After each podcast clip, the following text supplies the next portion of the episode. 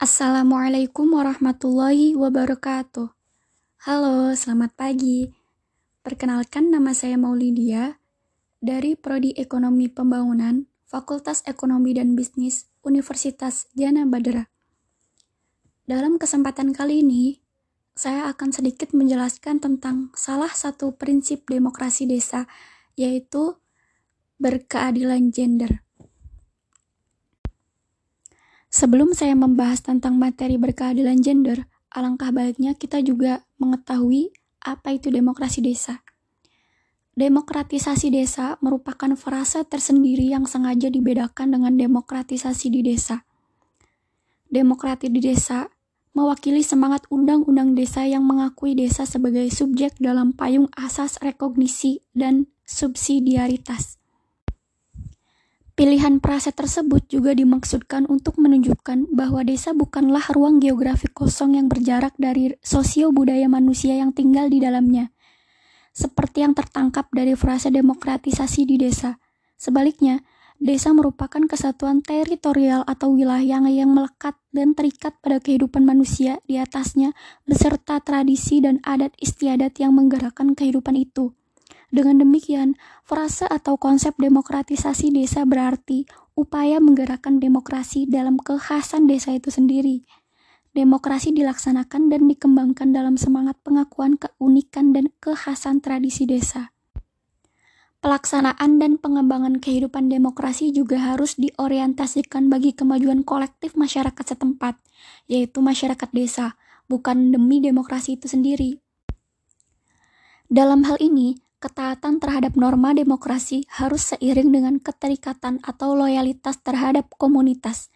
Dengan alamat keberpihakan tersebut, demokrasi desa bukan lagi menjadi perangkat nilai-nilai umum atau universal yang bersifat memaksa atau menjadi mekanisme dan prosedur yang terlepas dari pengalaman masyarakat desa, melainkan terkait dan terikat pada peri kehidupan masyarakat yang menjalankan demokrasi.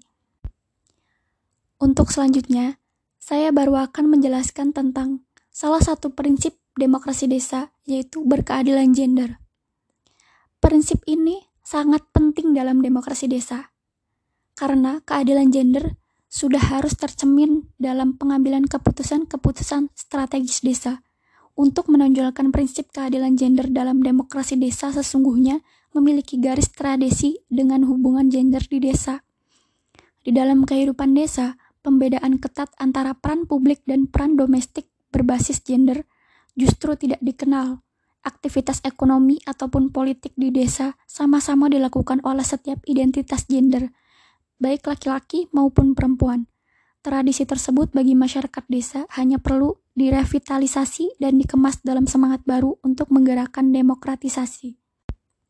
Akan tetapi, diskriminasi gender dalam berbagai ranah kehidupan kerap terjadi, yang akhirnya menciptakan perbedaan status sosial perempuan dan laki-laki di wilayah yang masih kental dengan budaya patriarki perempuan dianggap sebagai warga kelas 2. Padahal, ketidaksetaraan gender di Indonesia disinyalir menjadi alasan turunnya nilai produk domestik bruto atau PDB.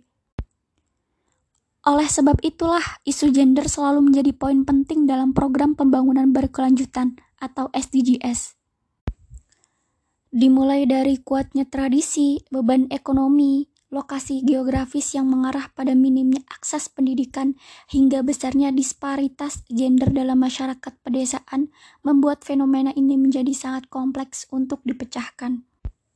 Tradisi yang mengakar kuat dalam masyarakat yang terkesan melegalkan pernikahan usia dini menjadi salah satu faktor penentu terpenting yang menyebabkan maraknya praktek nikah muda. Pelarangan untuk menolak siapa pun pria yang melamar seorang perempuan semakin meningkatkan jumlah pernikahan usia dini di pedesaan. Label perawan tua pun turut menambah rentetan keharusan untuk segera menikah. Juga rendahnya pendapatan membuat akses terhadap pendidikan pun tidak terlaksana secara maksimal. Karena sayangnya, pernikahan dini yang tidak dibekali dengan kemampuan mencari nafkah pun akhirnya membuat para orang tua kembali turun tangan membantu anak-anak mereka. Pengaruh psikologis pun tidak terelakkan lagi. Perempuan yang seharusnya masih bermain-main dengan teman sebaya dan masih dalam penanganan orang tua, telah menjadi orang tua yang harus mengurus anak, suami, dan rumah. Oleh karena konstruksi sosial masyarakat pedesaan yang cenderung memarjinalkan perempuan menjadi hal yang memperparah kondisi ketimpangan gender.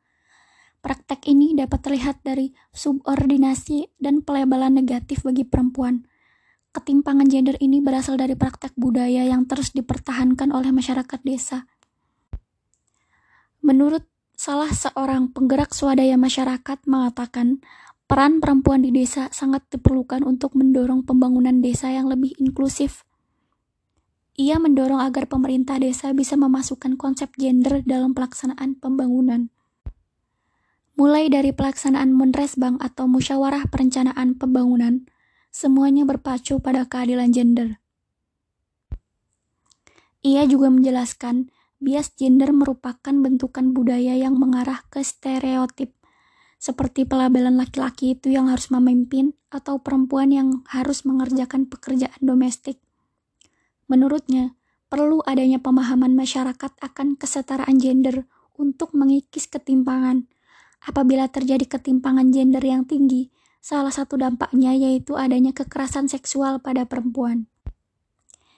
Ia juga mengatakan bahwa berbagai perangkat aturan sudah mendorong adanya kesetaraan perempuan di desa, yang salah satunya melalui Undang-Undang Desa Nomor 6 Tahun 2014. Salah satu poin dalam Undang-Undang Desa tersebut yaitu mendorong agar ada wakil perempuan dalam Badan Permusyawaratan Desa atau BPD.